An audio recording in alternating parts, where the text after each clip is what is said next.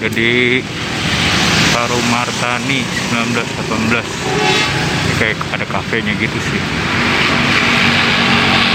Ini mau ketemuan sama para personil Hand Summon Salvation band metalcore Yogyakarta.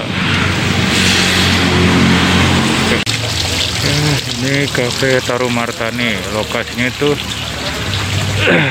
berada di pabrik cerutu pabrik cerutu Tarumartani. Yang usianya udah ada sekitar 102 tahun. Pabrik cerutu tertua di Indonesia. Dan nih kafe ini berada di dalam bloknya Tarumartani. Oke gue masih nunggu para personil Hand Support Salvation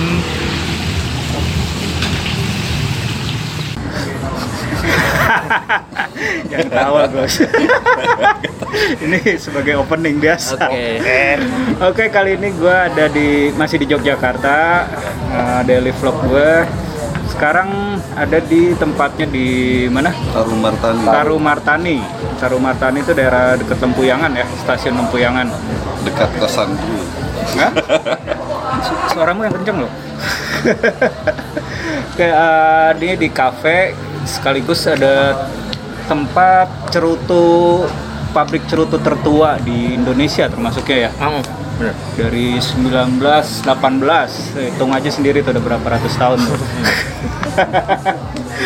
Oke nah, sekarang nih ada bintang tamu yang apa ya termasuk band metalcore tertua di Jogja lah gitu kan Personilnya aja yang tua.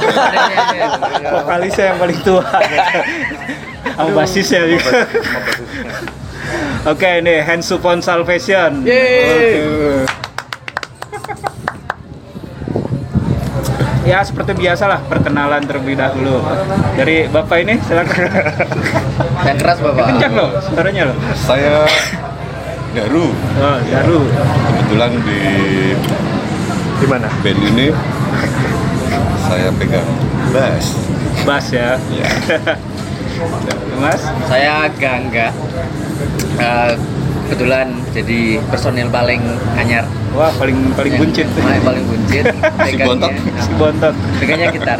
gitar Silakan. Eh, iki Selanjutnya Naiki. yang paling tua lah nggak kelihatan ubannya kan ya Agus Agus, sang vokalis, sang biduan. ya, Mas Iki, Saya Yuan pada gitar. gitar. drummernya, drummernya aja ya nggak ada ya? drummernya kita terlalu banyak punya drummer sekarang sebagai band Indonesia mungkin Yang kita mana? banyak drummernya Eh, adisional apa gimana? Ah, kita punya drummer tiga drummer asli lagi hiatus Suryo. ah serial lagi hiatus terus kita pakai dua additional kebetulan dua-duanya sedang sibuk tidak bisa datang ke sini Oh, tapi yang masih tetap Suryo. Maksudnya? sebenarnya diharapin buat tetap Iya. Harapannya demikian. drummernya demikian Curhat loh. Iya no. Mumpung dirilis. Ya, mungkin eh, sibuk kali ya. ah, ya sibuk banget ya. jadi tahu. sepanjang satu dua tahun terakhir kita pakai dua additional drummer sementara itu Punya adisional drummer loh, mantep loh itu. dua lagi Dua, lagi. Wah. Oke, eh, mungkin ya ini dulu ya. Biasalah cerita banyak mungkin banyak teman-teman di sana banyak yang belum tahu Hensukon Salvation sejarahnya seperti apa mulai Nah, berdiri eh, siapa-siapa aja mungkin dari Bapak Agus ini silakan aduh dari mana ya Dari yang pertama lah. Dari distrak. Dari distrak. dari distrak ya Dari distrak, apa ya. dari dipterium head kejauhan ya jauhan Dari distrak. dari distrak aja ya dulu kan awalnya hands up on salvation bus aja ya Nah, singkat bus aja itu kan awal 99 dulu mulai sebagai band namanya Destra pertama ini yang bantuin ada Nomornya tang- ini, ada, Mr. tangan Lai- Saya Dulu tangan masih langsing. Belum mubanan. yang turut membidani terbentuknya band ini gitu terus kemudian Daru. pasca 2001 eh, kita udah fix jadi Dance Salvation setelah mengalami banyak sekali pergantian personil Iya, iya. 2001 berarti berubah nama ya. berubah nama Alasannya? ada yang pakai Oh, ada yang pakai. Destruct itu kan nama ada nama hardcore dari Jerman sama oh kita pakai Terus, ya udah kita ganti aja Oke. Dia takut ini ya. Takut ya apa sih? Kan pernah ada kejadian juga tuh dulu band death metal Indonesia ada, di Amerika ada. Nah, yang di sana nuntut supaya Klaim. Benar-benar. klaim, Benar. yang- nah kayak gitu kita menghindari hal kayak gitu terus kita pikir kita cari nama yang nggak mungkin dipilih orang lain tuh apa gitu iya. Kalau kalimat tuh jarang. kalimat ya apalagi tiga Iya, lagi tiga kata. ya udah kayak gitu Ya. makanya susah diingat nama orang itu sebenarnya Upon Salvation itu maksudnya apa itu? Itu itu kan apa ya? Ah, filosofinya ya. Filosofinya, Filosofinya kan? ya. saya ngambilnya gini. Kita manusia manusia itu kan hidup itu Sing banter loh. Mas, bandar manusia manusia itu kita kan hidup kan mencari keselamatan. Keselamatan, tangan-tangan yang mencari keselamatan Filosofinya gitu. filosofinya Oke. selamat dunia akhirat dompet keluarga istri pacar anak dan lain-lain. Pokoknya lah, globalnya gitu lah ya. selamat. Oke, eh, lalu kalau mengenai konsep nih dari Hands Upon Salvation, ya mungkin dari musik dulu ya. Dari musik, siapalah terserah.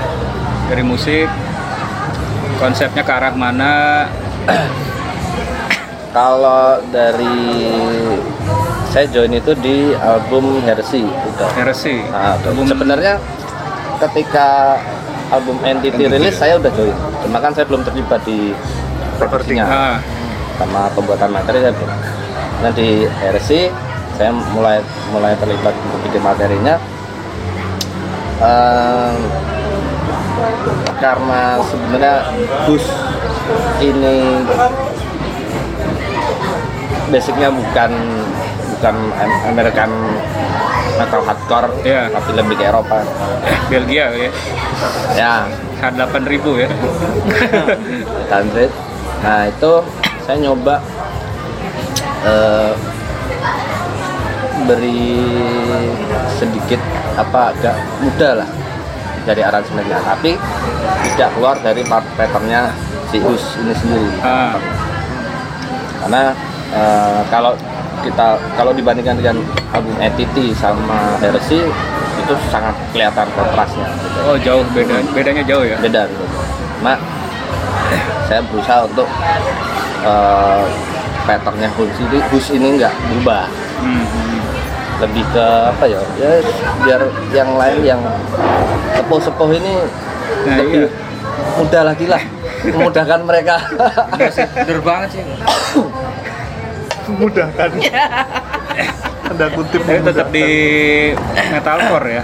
ya meta hardcore. Eh, makanya itu saya saya sendiri berusaha untuk tidak merubah eh, karakter pattern-patternnya Hus itu sendiri. gitu. Cuma ada beberapa color ambience-nya memang banyak berubah sih. Ya. Waktu itu eh, Heresy pembuatan materi sebenarnya banyak dari dia juga ada, sebagian sebagian besar ada, gitaris sebelumnya juga ada. Nah, kemudian si Yudis ini baru join di album ini yang mendatang. Oh yang akan Mm-mm, jadi datang dia nih. belum belum terlibat di album Heresy. Ya, ya. Tapi ya mungkin kemarin manggung ya, udah ikut ya. Udah pernah? Belum. Oh belum malah. Belum pernah pandemi. Pas Pas pandemi. Masuknya pas pandemi. Oh, enggak. Maksudnya Sebelum. pandemi. sebelum pandemi udah. Sebelum pandemi udah masuk, tapi belum ada konser-konser. Paling video klip. Video klip. Nah, video klip Ya. udah ikutan ya. Video klip. Video klip ya. Itu sudah masuk. Nah, ya itu tadi kalau sudah dijelasin Kimpling kan sebenarnya eh, kalau saya sama Garu secara pribadi kan kita dibes- dibesarin sama band-band hardcore dan hardcore metal yang muncul di tahun 90-an. 90-an. Kita besar oleh band-band Halapan Ribu, Ya. Fire Deformity Congress dan lain-lain terus kalau Amerika kita suka Day Day of Suffering, Morning Again, Undying dan lain-lain sampai jalan-jalan ke sini ya kayaknya kita udah klop itu yang kita ambil metalcore yang tradisional yang- Tradisional, yang iya. klasik bukan yang modern gitu. Kita cocoknya di situ kita suka energinya di situ kita suka raw-nya di situ kerasnya di situ. Eh, nggak tahu ya. Kayaknya kok yang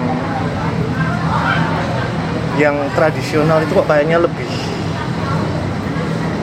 megah gitu daripada Lebih- yang modern sekarang Lebih garang sih. kalau ngomongin metaphor loh Ya, kan, kalau yang aku perhatiin sih emang ya, lihat ngelihat Hus ya, ngelihat materinya Hus tuh emang termasuk mungkin di Indonesia jarang ya yang mengusung yang tradisional metalcore itu masih masih jarang sih kebanyakan Jarang. metalcore tuh udah ke arah-arah sudah Iya. lepas dari hardcore-nya udah school ada sekali ya new school breakdown breakdown terus vokal vokal imonya udah ada Dan nggak ngerut ya.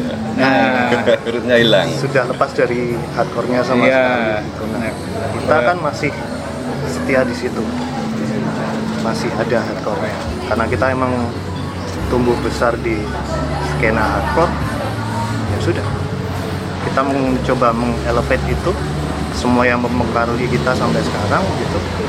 Hmm. ya jadinya kayak gini. Jadinya ya musiknya harus itu jadi punya jadi punya karakter sendiri sih. Yang Kita modern pengen gitu. cuma soundnya aja. Sound ya. Sound mah ya pasti Sound pasti ada harus harus ada perubahan sih. pasti berkembang sih ya.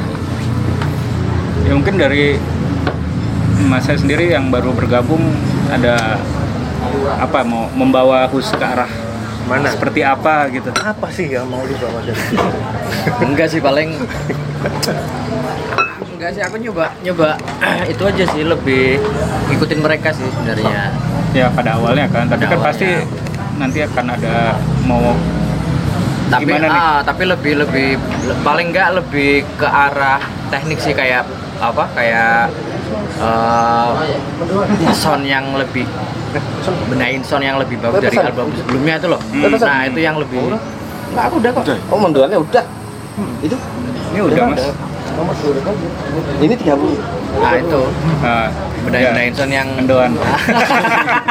Album-album sebelumnya lah Iya. gitu. Terus uh, mungkin lebih moga moga lebih apa ya? Lebih lebih apa ya Bling? Aku sama Ya, Mas lebih- lebih Kimpling fresh ini yang lah. lebih fresh. Ah, tapi udah ada nyumbang lagu untuk materi yang akan datang. Udah banyak. Banyak ya. Ya kalau kalau Kalau buat masalah ya masalah materi saya pengen setiap personel punya Input. ide. Ada Input. sumbangsinya Ah, lah, nggak ya. cuma gitaris tok enggak. Ya. kalau kita eh, basis punya pattern apa. Bahkan bahkan kalau ada additional yang pengen ada ide ya nggak apa-apa silahkan iya iya jadi nggak nggak perlu additional harus cuma ngikut doang gitu Kayaknya additional juga udah pada kenal juga jadi ya. ya udah udah pada ngerti juga karakternya ya Ah, Cuma kadang gini apa ya main band kayak metal metal gini kan eh kita tuh yang susah memang cari karakter. iya Jadi sih warna itu yang memang coloring itu susah. Iya. Kadang nah, nah sih pengennya ya karena udah udah kita udah band-bandan udah dari dekade 90-an ya. ya kelihatan Cuma eh, bebannya. masih ini ya mencoba masih istilah grepe-grepe sih. Orang dengerin oh ini Gus. nah iya Jadi jangan sampai orang dengerin band apa tadi kok koyok sih kayak kayak itu kayak ini kan. Nah. Itu sisanya di situ. Kadang kan ambil eh, band-band metal itu eh, apalagi yang baru-baru ya. Hmm. Arahnya udah bisa ditebak sih yang baru. Sama Iya. gitu loh. Band-band Nah. satu sama band lain itu eh, konsep musiknya tuh sama. Ya itu nggak nggak part-partnya sama. nggak terjadi di metalcore aja sih di semua genre kayak death metal, grindcore. Ya ya itu banyak yang masih sama ininya gitu. Antara band satu dengan yang lain ya mungkin konsepnya sama. Banyak itu- kemiripan. ah kemiripan. Ya emang susah sih. Susah ya. Susah. Kita menciptakan karakter sendiri itu susah pastinya. Sekarang ya coba berusaha lah yang pasti sih membuat karakter sendiri ya.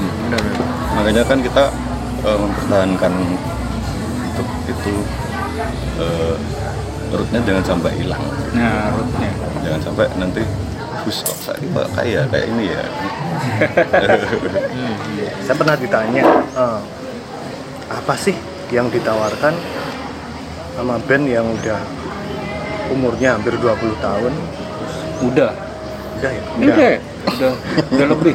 Luar biasa. Umurnya udah segitu Umur terus eh, personelnya udah berkepala tiga berkepala empat hampir semuanya beruban hampir semuanya hampir semuanya hampir semuanya.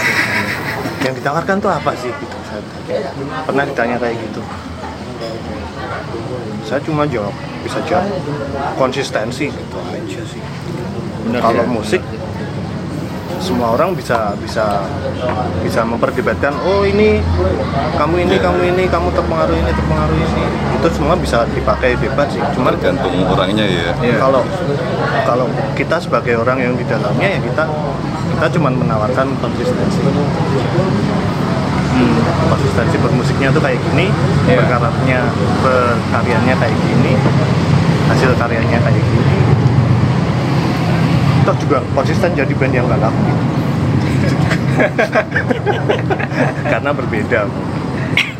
Ya itu mah ha- haru- hal yang wajar sih ya kalau misalnya setiap band tuh eh, kok kayak mirip mirip band ini mirip band ini ya. Soalnya emang udah susah wajar. Riff riff itu udah ya udah banyak yang sama.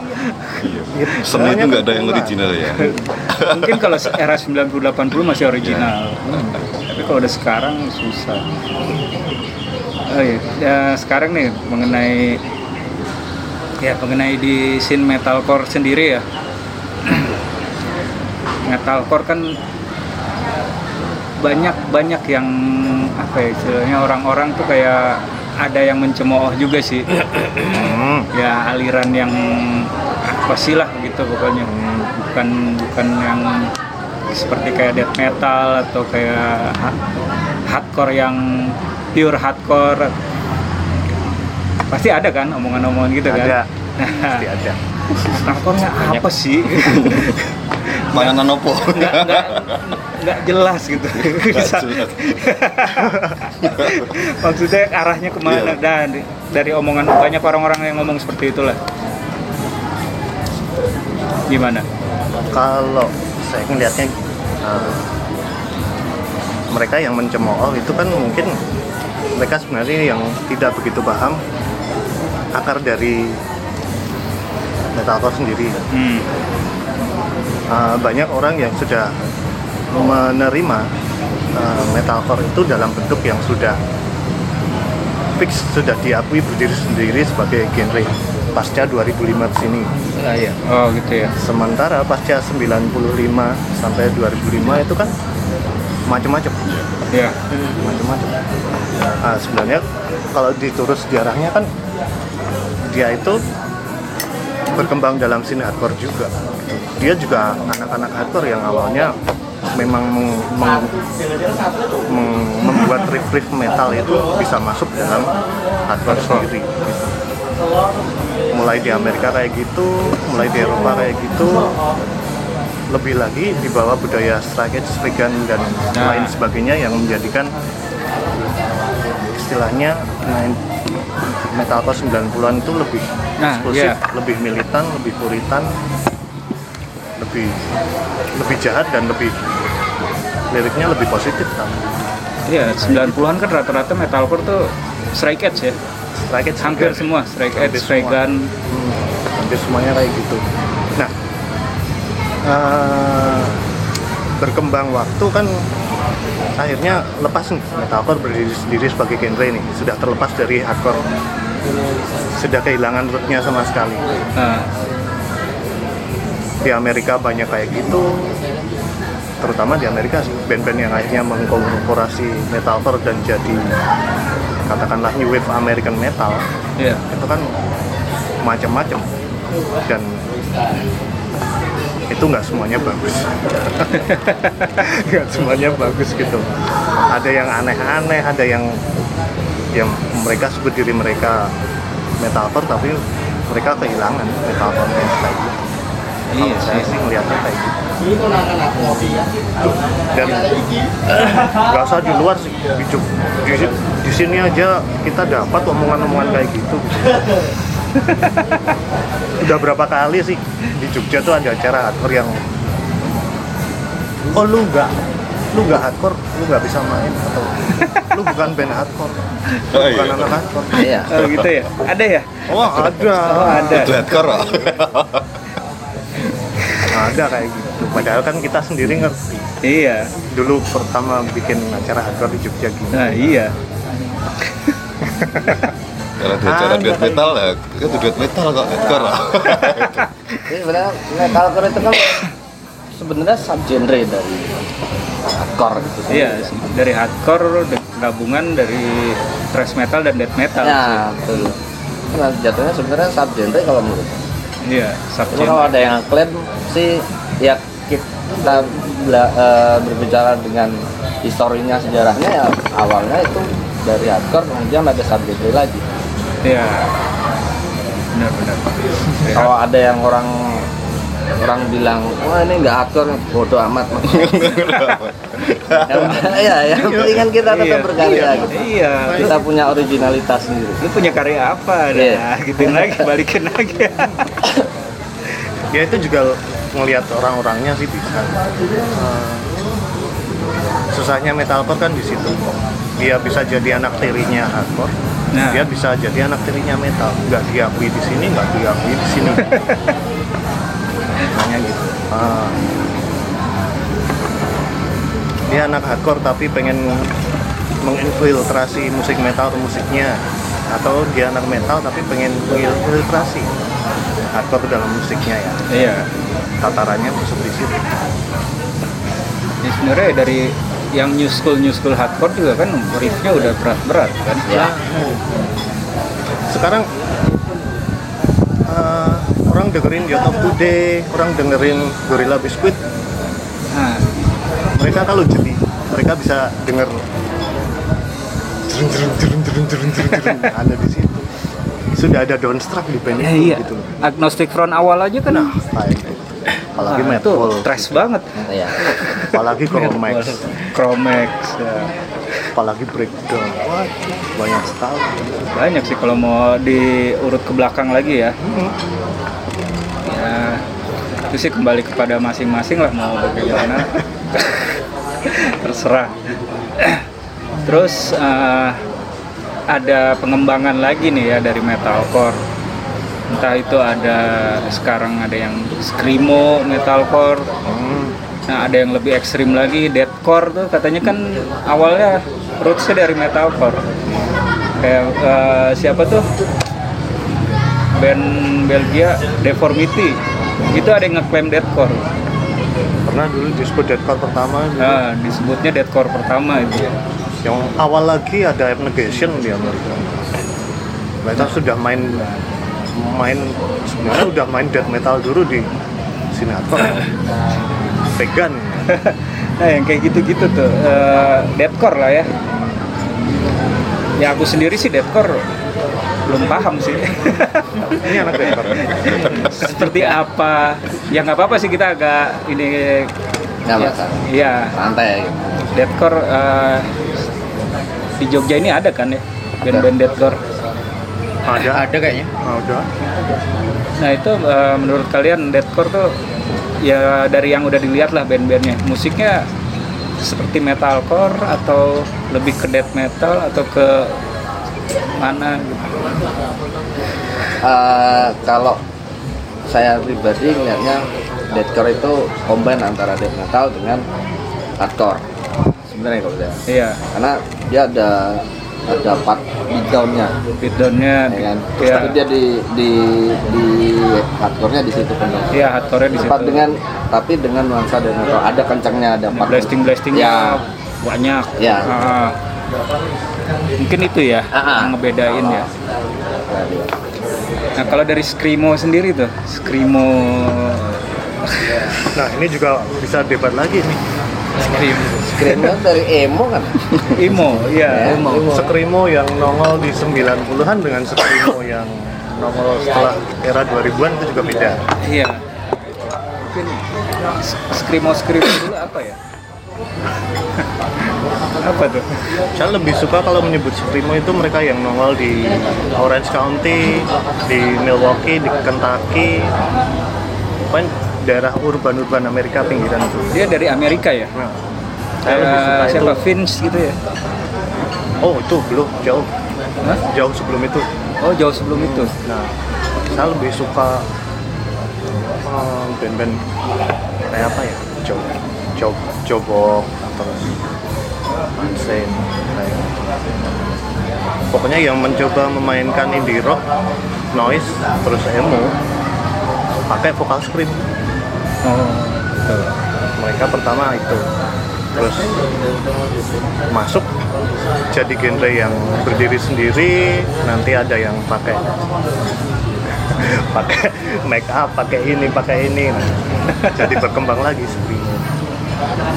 Dibawa ke Eropa, di Perancis lebih militan lagi, lebih ada yang disebut emo violence kan jadi kayak gitu.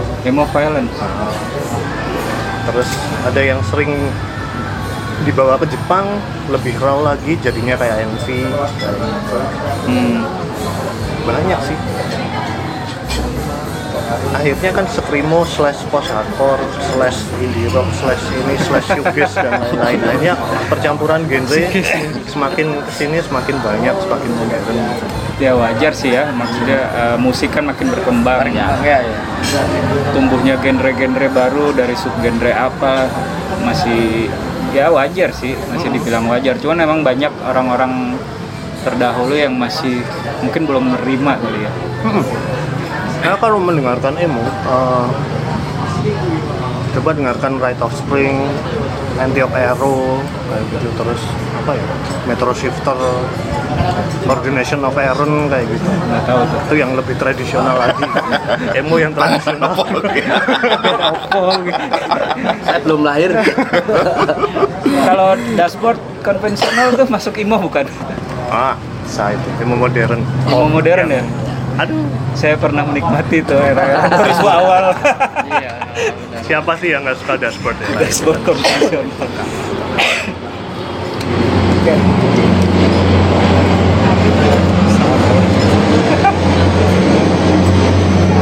Sama. iyalah. Nggak apa-apa lah itu.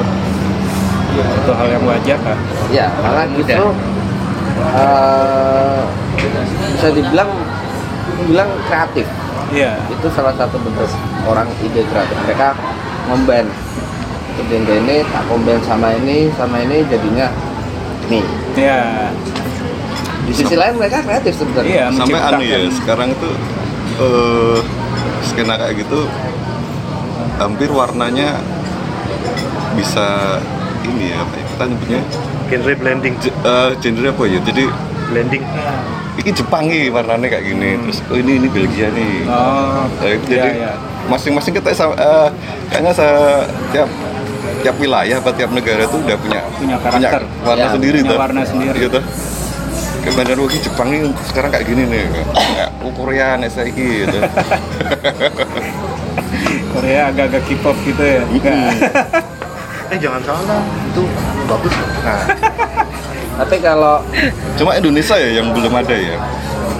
Masih masih mengikuti sih. masih mengikuti ya kan padahal eh, kecuali black metal ah, di black metal di- itu ah, Indonesia ya, Indonesia. punya warna nah Japanese. metal ya itu Masih- udah masih- warna Indonesia itu masih Jawa sentris sih ya. sebenarnya. ini ya eh, Japanese black metal Iya. iya itu udah warnanya Iya. ini Indonesia Black metal ada ya? black metal lagi yang punya ciri khas mungkin eh, pelopornya mistis ya mistis Legend Lost sebelum mistis Legend Lost. Mana tuh mistis? wah kami juga barusan ngomongin itu sih kemarin kangen itu mistis Internus Ritual Drusopila waduh Waduh, Gila. gila. Kalau Purwokertonya santet. santai Ya. Ya.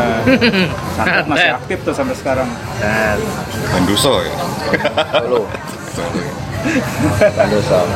Nah, justru dia punya Iya, itu kalau Indonesian black metal, punya, itu. punya warna ya Ah, malah ya. Nah, dan di metalcore sendiri ada yang udah nge combine ke black metal kan? Ada. hmm, benar tak? lokal Joko Mungkin dari karakter vokal kali ya. Atau riff-riffnya gitu. ya, terpengaruh jelas ada terpengaruh kalau karakter vokalnya Karakter vokal iya pasti. Ya. vokal jelas ada pengaruhnya Kalau dari riff-riff gitarnya mungkin. Riff gitar? Ini enggak ya? black metal atau Swedish Di Indonesia death metal? Nah, black metal atau Swedish black metal? Atau atmospheric black metal? Atmospheric black metal. Sekarang yang lagi, yang lagi rame kan atmospheric black metal. yang lagi rame banget. kalau yang original ya semua yang masih pentatonik tuh eh, masih pentatonik Ya itu pengembangan juga itu dari black metal. ya. ingin apa Ya mungkin inilah eh, konsep eh, apa rencana ke depan nih dari rencana ke host. depan Dari. Ah, rencana ke depan yang jelas kita lagi selama pandemi ini Ya dari Dua mulai- tahun ini kan dari kita- mulai pandemi Hmm. sampai dengan sekarang itu eh, apa aja yang udah dilakukan? Kita menjauh dari panggung ya udah. Ya pastinya menjauh dari panggung kemudian kita sibuk di studio kita bikin banyak materi baru Eh, sekitar 16 lagu sekarang udah 15 lagu. 12 lagi. dan 17 OTW 17 OTW Ya, OTW 17. Banyak. Atau album berikutnya yang Nah. jadi trilogi. Detik kan- Grindcore ya banyak lagunya. jadi kan rencananya tuh gini eh, sebenarnya konsepnya kan entity Hersi itu kan dan besok yang akan datang itu kan trilogi Trilogi. konsepnya kan itu entity RC kemudian yang besok akan dirilis judulnya belum tahu Surprise. itu kan nanti Surprise. jadi kelanjutan trilogi nah yang terakhir itu kan jadi penutup makanya materinya lumayan banyak Penutup terus bubar gitu ya. Oh, kalau bubarnya nggak tahu yang jelas Dibilangnya penutup loh. yang jelas penutup triloginya Oh, gitu. triloginya finale, season finale. rencananya kita mau rekam akhir tahun ini sih rencananya tapi kalau ini udah Oktober ya ya mungkin awal tahun nggak tahu ntar ya, eh, rencananya tahun ini kita fixkan materi semua. Kemudian tahun depan mulai record. Tahun depan lah ya. Iya. Yang penting rapihin materi dulu Ya, ya, betul. untuk ini. Targetnya memang tahun ini kita bikin materi sama matengin fix tahun depan. tahun depan leader anu proposal Label belum, label belum ya.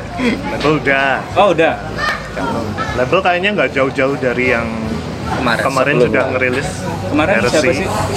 RC kan kemarin dirilis di Inggris sama MMW Records Ya, Mark My Words terus di Jerman sama Bound by Modern Age BBMA nah, Lokalnya? kemudian kayaknya besok masih sama juga cuman mungkin beda label cuman dari negara yang sama Jerman sama Inggris dari lokalnya nggak ada. lokalnya mungkin di Malang mungkin Malang. Malang mungkin ada FTP FTP Inc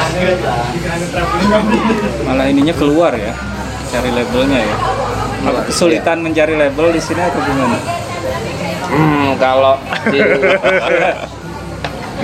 nggak dikenal. Sejujurnya aja. Kita kalau main eh, genre seperti ini di Indonesia susah berkembang. Karena termasuk eh, Bang, bukan di Indonesia di Jogja dulu. Di Jogja.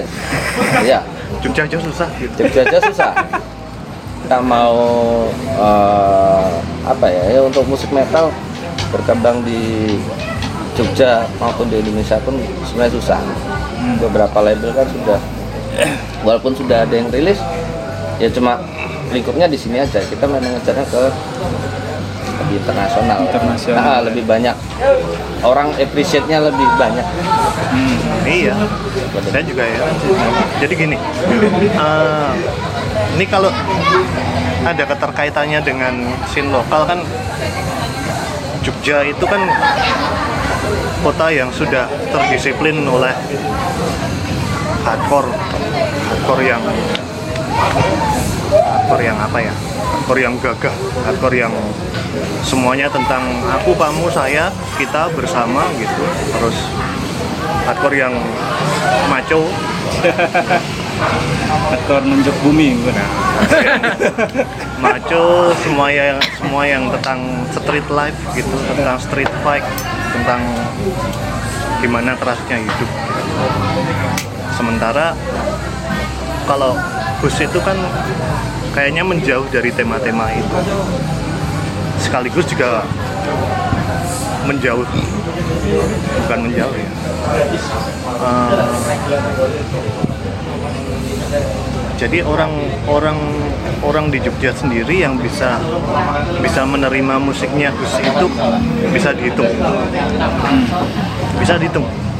Saya bisa ngitung kok orang di Jogja ini yang misal kita manggung di depan panggung itu mereka yang beli CD-nya Hus itu berapa mereka yang suka sama Hus itu berapa mereka yang kenal sama anak-anak itu berapa itu saya bisa saya bisa Itu baru bisa lah baru lingkup Jogja ya. itu baru lingkup sendiri Iya, iya. jadi kalau kalau di Indonesia eh, yang bisa saya pegang atau yang justru kota yang kita paling banyak dapat dukungan itu malah di Malang ya Malang.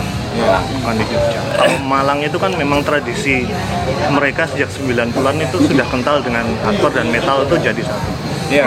regenerasinya anu sih kalau Malang bagus Wah tidak berhenti, nggak Malang berhenti. kuat sih ya. Malang. Militan. Militan. Iya. militan, puritan, dan mereka itu terus-terusan ada. Malang itu nggak berhenti memproduksi band band hardcore metal yang bagus. Ya, mungkin uh, generasi Terus-terusan. generasi awalnya kayak Stolen Vision Hmm, udah bubar kali itu ya. Itu naik turun. Direction for Use, Action for You, Spread of Despair, The Great of Despair. kemudian sekarang ada Still Against, ada Difficult and Hard, ada Hand of Hope. Wah banyak sekali yang di Malang yang seolah itu malah sebenarnya kita itu kotanya di sana bukan di sini. Karena kita band Malang kita lebih banyak dapat dukungan di sana daripada di sini. Ya, itu ironis sih sebenarnya. Cuman itu juga nyenengin. Gitu. Pernah ya kita dulu ada ada satu waktu saya nggak bisa nyanyi pas kita manggung di Malang. best ya Itu Iya. ada anak anak Malang tuh yang ngambil mic buat nyanyi. dia request Dia yang request lagunya. Ya, apa lagunya? Apa lagunya karena eh, dia mendadak sakit Dada sakit. Oh, terus otomatis jadi band instrumental dia lagu lagu pertama nggak sampai selesai udah tumbang keong. udah tumbang nggak kuat ya.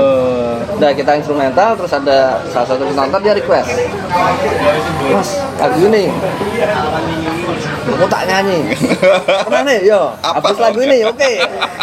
Naik deh. Apal. Hafal hafal dan bener-bener hafal gitu loh. Sampai sampai detail liriknya sampai intonasinya tuh hafal saya yang heran. Itu salut salut banget tau itu di Jogja aja nggak ada. Nggak ada sudah ya. Jogja banyak pengamat musiknya. Nah, benar benar. Benar benar bukan penonton tapi pengamat. Pengamat musik. Eh, kita ada. Tulis ada diobrolin di belakang. Eh kalau diundang main ke Malang seneng banget hospitality-nya juga bagus banget. Iya sih. Nah, Malang Ma- Malang emang untuk scene dari scene hardcore, metalcore dan grindcore ya. Iya. Terkenalnya gra- lebih dikenalnya mungkin grindcore ya. Yang petanya grindcore di Indonesia tuh lebih banyak apa? ya di sana juga kuat kan kuat di sana. Extreme Decay, System Error, wah, Iya, bangkai, bangkai aktif Bangkai. lagi sekarang. Boys Teros, Slim Decay ini akhir tahun ini mulai mau bikin album, Pak. Luar biasa sih emang Malang. Iya. Atau dari kota-kota lain seperti ya kota besarnya ya, seperti Bandung, Jakarta itu gimana? Dengan Kus sendiri Bandung, Bandung, Jakarta lebih apresiasinya. apresiasinya lebih terbuka yang jelas. Buka. Mereka lebih lebih terbuka dan mereka lebih ya, lebih nggak nggak ngebedain. Maksudnya eh, mereka yang anak youth crew gitu bisa temenan, Iya. bisa dengerin, bisa cocok juga gitu. Mereka yang strike edge atau non strike edge yang musiknya nggak berhubungan sama hardcore metal gitu, mereka juga appreciate. Jadi ya, ya nggak tahu. Jogja itu emang ya itu tadi Unik. Unik memang ya. memang sudah terdisiplin kayak gitu mungkin ya. Jadi ya, ya ironi tapi kita juga seneng sih. Senengnya dengan segala keterbatasan yang kita punya di Jogja, kita malah ternyata mendapat apresiasi yang lebih di tempat lain gitu. Ya. dan itu justru yang bikin kita lebih semangat gitu jadi kita kita nggak begitu peduli kita bisa bisa diapresiasi enggak di kota sendiri yang penting ada orang-orang di tempat lain yang bikin kita lebih bersemangat saya malah mikirnya gitu aja sih Iya sih. Ya bodo amat ya dengan omongan orang. Iya. Jadi berkarya terus. Tim berkarya. Ada buktinya. Ya, iya. Benar-benar. Benar.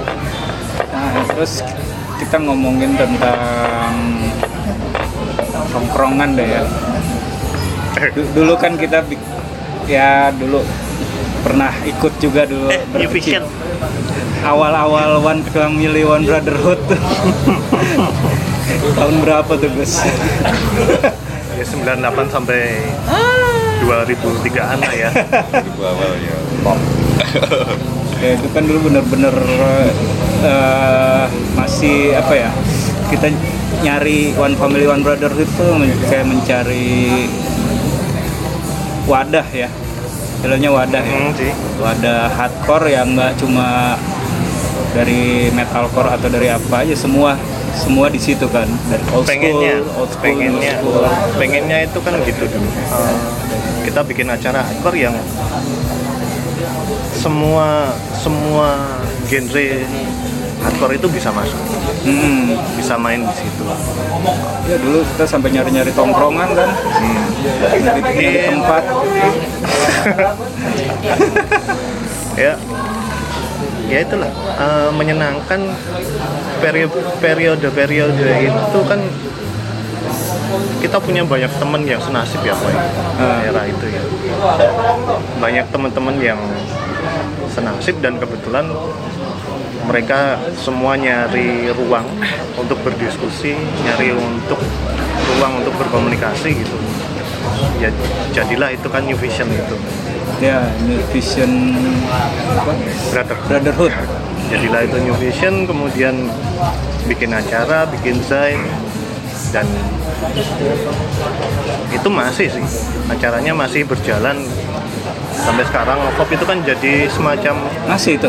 Masih. masih Oh, masih. Masih. masih semacam jadi tongkat tongkat estafet gitu Ya. antar generasi gitu kan Di samping itu jadi ajang reuni. Nah, nah, nah, yang reuni uh, dari semua orang-orang yang pernah berkecimpung di situ pernah bermain di situ dan ngerasa mereka bagian dari YKHJ secara Ya. luas.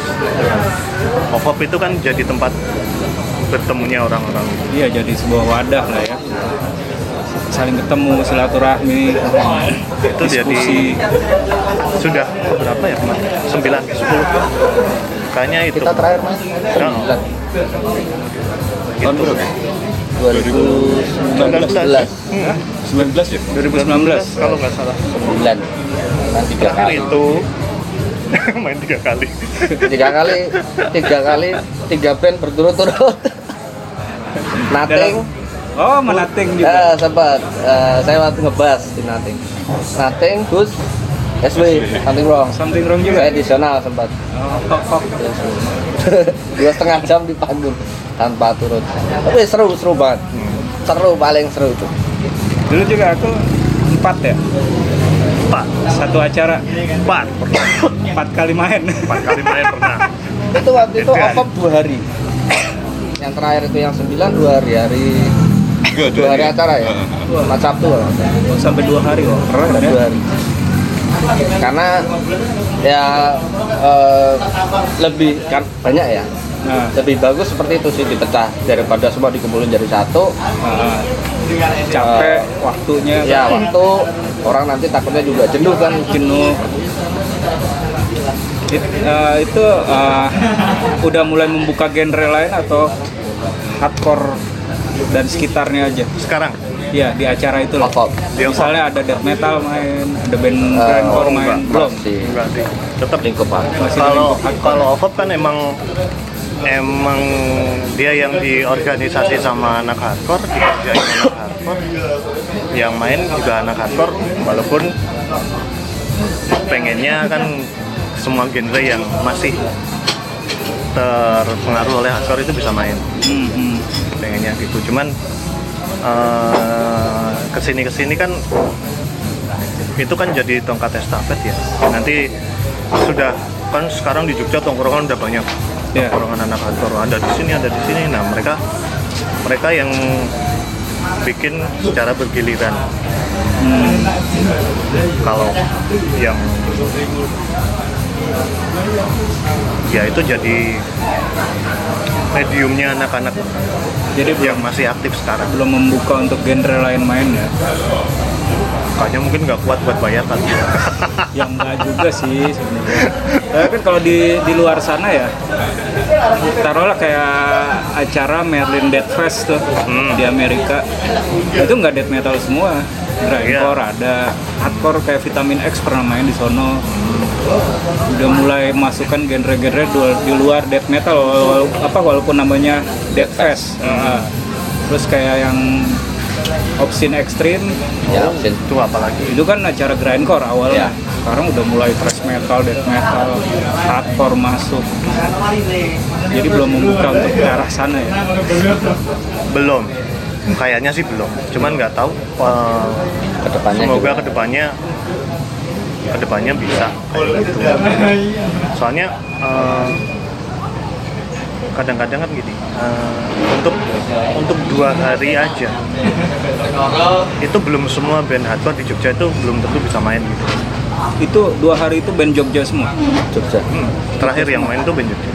Nah, kita kan pengennya itu eh, mungkin pengennya mereka itu itu jadi wadahnya anak hardcore dulu. ya ngasih kesempatan. Kasih kesempatan yang generasi-generasi baru-baru, yang baru-baru ini Hmm. biar mereka punya tempat dulu sebelum kita melangkah ke genre-genre yang lain. Mungkin kalau misalnya dalam satu tahun kita bisa bikin lebih dari satu kali mungkin bisa. Kayak gitu. Cuman mungkin eh, mungkin namanya bisa berbeda atau ya karena OVOP udah identiknya acara hardcore acara hardcore. Lain mungkin kayak gitu sih. Ikonnya identik dengan oh APOP One Family One Brotherhood tuh Nah, hardcore nanti hardcore festival nanti coba tanya Kopla ya beliau soalnya sekarang pemegang. gubernur presiden hardcore iya. nanti coba tanya beliau Kopla halo Kopla Aduh. Oke, eh, mungkin kayaknya cukup ya. Ada yang mau ditambahin dari teman-teman? Ya, Untuk ada. Ini apa yang mau disampaikan gitu? Apa pesan dan kesan pesan dari nah, kesan? kalau saya sih untuk dan di Jogja ini kan apalagi pandemi Hmm. eh, gigs, event dan segala macam sudah sebelum pandemi pun sudah mulai berkurang semenjak Ya. kalau saya ngeliat semenjak semenjak eh, rokok itu tidak boleh jadi sponsor acara Oh gitu. ya waktu itu kan dulu dulu sering eh, pensi SMA Ya. Iya, orang main Nah sekarang nggak bisa karena sponsor rokok udah nggak boleh. Kan apalagi sekolah dulu kan kebanyakan pensi sekolah itu setiap malam minggu pasti ada. Pasti ada. Dan itu empat lima titik dan i- ada ada ada medianya lah untuk teman-teman lain.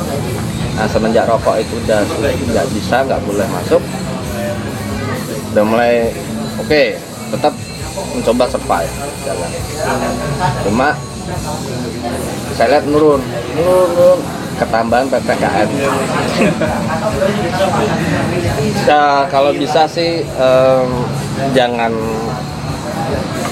jangan stop tetap jalan tetap berkarya jangan sampai Jogja ini wah nggak ada bandnya jangan sampai Iya, jangan sampai. tetap jalan aja Soalnya eh, kalau orang luar kota Jogja ya ngelihat Jogja tuh kayaknya bandnya itu itu doang. ya dikit Kelihatannya ya di- dari death metalnya ini, dari grindcore-nya ini, hardcore-nya ini, itu salah gitu loh. Padahal banyak sekali loh kalau yang banyak. di Jogja Tapi itu benar, yang ini dari pandangan aku aja ya ngelihat ya, yang sekarang udah di luar Jogja, ngelihatnya Jogja bandnya itu itu aja gitu. Yang kelihatan, eh, sebenarnya kalau ngomongin itu eh, Jogja itu kan unik ya. Saking uniknya gini eh, kebanyakan band yang eksis di sini itu band yang berbeda-beda berbeda. Hmm, berbeda. Eh, orang pernah bilang tuh lo kalau nyari band yang beda dengerin band Jogja. Terus kalau boleh rekomendasi sih kalau untuk yang sekarang era sekarang mungkin coba dengerin senyawa coba dengerin Niskala coba dengerin Annie Hall oh, coba dengerin Dirty Like coba dengerin Virtual Doom. Itu rekomen lah ya. rekomend Band Jogja ya. ke Jogja. Virtual Doom terus.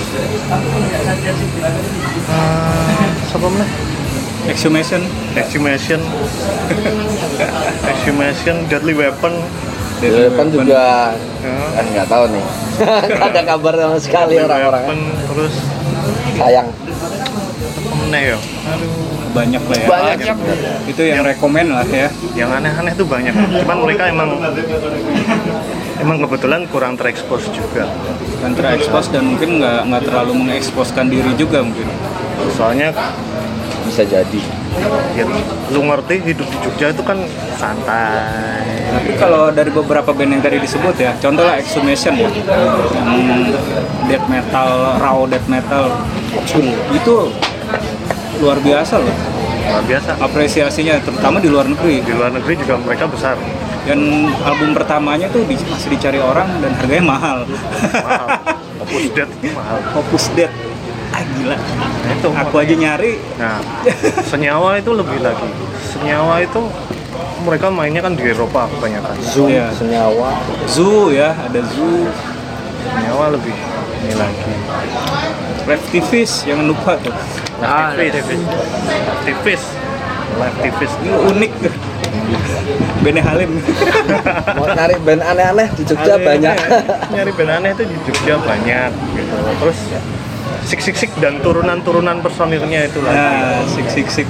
SOHP Sakarin Sakarin Teknosit juga masih sebenarnya. Nosit masih. masih kan sempat manggung hmm. masih Teknosit. Masing-masing sempat manggung. Lawas tuh Teknosit. terus?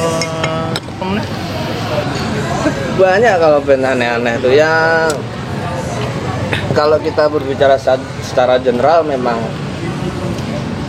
genre genre yang general di Jogja banyak juga yang aktif produktif. Ya.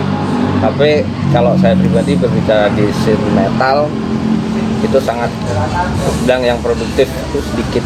Apalagi ya jangan sampai ppkm itu menghambat kreativitas. kreativitas Iya. jangan jangan jangan punya band hanya untuk manggung Ya, Nah, tapi bikinlah karya lagumu sendiri kan ya tetap band jalan buat jualan merchandise. ya, Karena kan itu kebanyakan gitu mas. iya ada. Tapi nggak ada karya ya. Benar ya. banyak yang tak lihat banyak yang tumbang Iya sih. Gara-gara nggak ada panggungan Hmm. jadi Jadi udah ya generasi rebahan. iya itu kita manfaatkan ppkm ini untuk Berkarya. album Bener, bener. makanya Makanya Hus dapat materi segitu banyak juga terbantu PPKM juga. saking Iya. slownya kita nggak ada kerjaan Sehari itu bisa sa- satu lagu. Keren sih. oh iya satu lagi dengerin Cloudburst Apa tuh? Cloudburst band Jogja juga sudah punya dua album mereka kalian yang suka Converge ya itulah Wah, Converge. Cloudburst Lebih unik lagi tuh. itu Agak chaotic. nih Sabra Kadabra Oh iya. ini gitarisnya Sabra Kadabra Sabra Kadabra juga Apa tuh ada dari Mas? Eh, apa ya? Kalau kalau di Sabrakadabra tuh lebih nggak mau di jadi semua personel tuh nggak mau harus genre tertentu. Oh, Jadi metal semua tuh masuk. Gitu aja sih. biarkan Biarkan. pendengar yang menilai Biar- ini biar genre pendengar apa yang menilai. dari progresif jadi genre multi juga tafsir ada. genrenya multi multitafsir. tafsir Sampai yang modern juga ada. progresif revolusioner mantep sih, keren. Kalau Mas Daru sendiri ada proyekan apa selain ngasuh anak? sama buka warung duit Cari duit. Buat beli bass ya, Bang. Di hus aja berarti. iya pengennya cuma bikin, gini bikin kalau di di Jogja itu memang kalau ya, ya orang main orang ngeband nggak manggung kan yo kayak Iya. kita masak tapi nggak dimakan Asik, asik, asik, asik, asik. ya masak terus nggak dimakan cuma ya ya gimana ya kendala benar Mas tadi kan memang setelah nggak ada rokok itu memang Susah banget sih itu. susah kalau dulu masih ada Dulu sampai, sampai milih tuh. DIY Sampai milih It mau yourself. manggung di Kalau dulu DIY. masih ya teman-teman itu kan kayak OVO, Jogja itu kan dulu dulu masih apalagi di era-era 90 akhir 2000 awal itu kan eh, ada di situ kayak ada apa ya istilahnya eh, persaingan tapi positif gitu loh Iya, iya. Nah, dari anak-anak pang juga bikin acara anak-anak metal Iya. Nah, hardcore juga jadi mereka tuh kompetisi nggak nggak mau kalah gitu Iya, loh kompetisi Mereka masih tapi dalam ah. masih semangatnya masih luar tanpa biasa ter- tergantungan dengan eh, sponsor. Iya, itu ada tuh. Cuman sekarang oh, semakin ke sini mungkin ya juga karena segala sesuatunya sekarang harus pakai duit ya. Iya. Jadi kita terkendala, mungkin teman-teman juga terkendala di situ. Iya sih. Konsistensi Kalau- itu iya. mahal. Awal-awal awal karir 90 itu kan kalau rokok kan kayak Marlboro itu juga. Dulu acara di mana di benteng benteng bawah tanah itu kan Marlboro Ya. yang kan Bawah masih tanah. oh, si Betrayer juga itu kan masih pernah nonton. masih main tuh itu. Rokok kayak gudang garam. Festival itu gudang garam itu di venue itu kan. Iya. Grobek Tapi beberapa tempat sih, beberapa ini ya komunitas ya. Itu banyak yang anti dengan Iya. mainstream. Emang ya emang dengan sponsor. eh, sebenarnya yang paling bagus tuh kayak gitu. Bisa bisa bernafas sendiri, bisa berdiri sendiri tanpa perlu kita cari sponsor. Ya. Sponsor itu eh, yang berada dalam lingkungan kita aja kalau bisa misalnya. Misalnya kamu punya bisnis apa? Ya, Kamu iya. punya bisnis Mas apa? Ya Itu mungkin bagus. Lalu di Jabodetabek sendiri seperti itu. Beberapa komunitas dari mungkin dari terutama di grindcore ya, grindcore grindcore sana kan benar-benar militan banget, DIY banget. I- apa ininya pang banget gitu. Kolektif itu, lah ya. itu nggak nerima tuh hal kayak gitu. Tapi nggak apa-apa itu jadi suatu yang positif. ya. Mereka bisa dengan kekuatan sendiri dengan modal sendiri entah itu kolektif atau dari ya tadi dari misalnya ada usaha siapa clothingan atau apa juga bantu mereka bisa berdiri bikin acara. Itu eh, bisa diapresiasi apa apresiasi yang sangat bagus sih. Nggak nggak, nggak ada masalah ya. Bagaimana? Ya, kalau harapan sih mungkin nanti setelah setelah ppkm ya setelah benar-benar dibuka panggung sudah mulai bisa jalan. Ada acara sih yang buat teman-teman metal hardcore. Kangen juga sih Iya. eh, nonton itu apa sekali-sekali kalau ada ada event-event yang agak-agak besar gitu loh iya pasti. Biar asik gitu. Biar adrenalin kitanya juga ya Trigger. triggernya. Buat trigger kita juga. Soalnya kadang-kadang tuh kita nggak cuman acara itu kan nggak cuman kita nonton band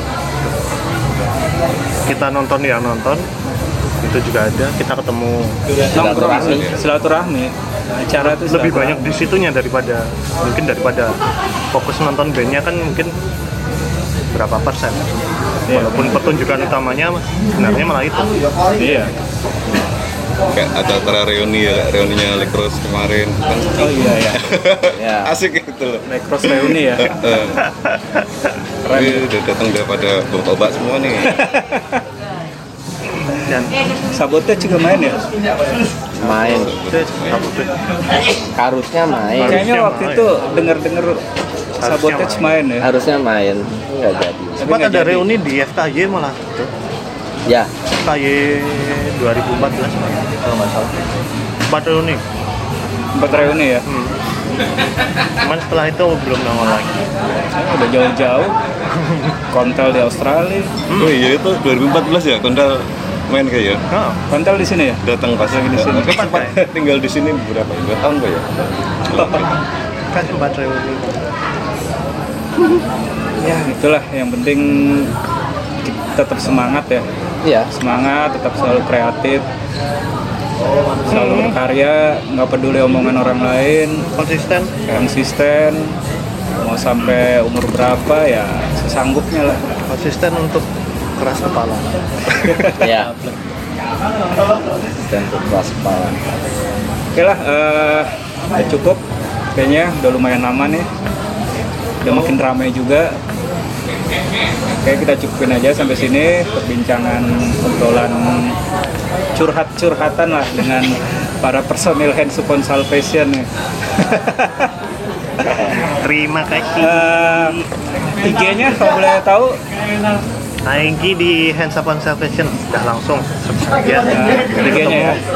Facebook ada Facebook juga ada, tinggal di search aja nanti. Search Facebook, YouTube, Naiki tinggal search Up on Salvation pasti ketemu halamannya. website sendiri ada? Bandcamp. Bandcamp. Bandcamp ada. Oke, pokoknya nanti cari aja IG-nya, Facebook-nya, Hands Upon Di Friendster juga Salvation, ada. Friendster, MySpace, MRC BRC juga ada. Ngerum. Ngerum gue tau bang Woi, ngerum Oke, kalau pengen tahu lebih banyak tentang Hands Upon Salvation, yang pasti beli albumnya.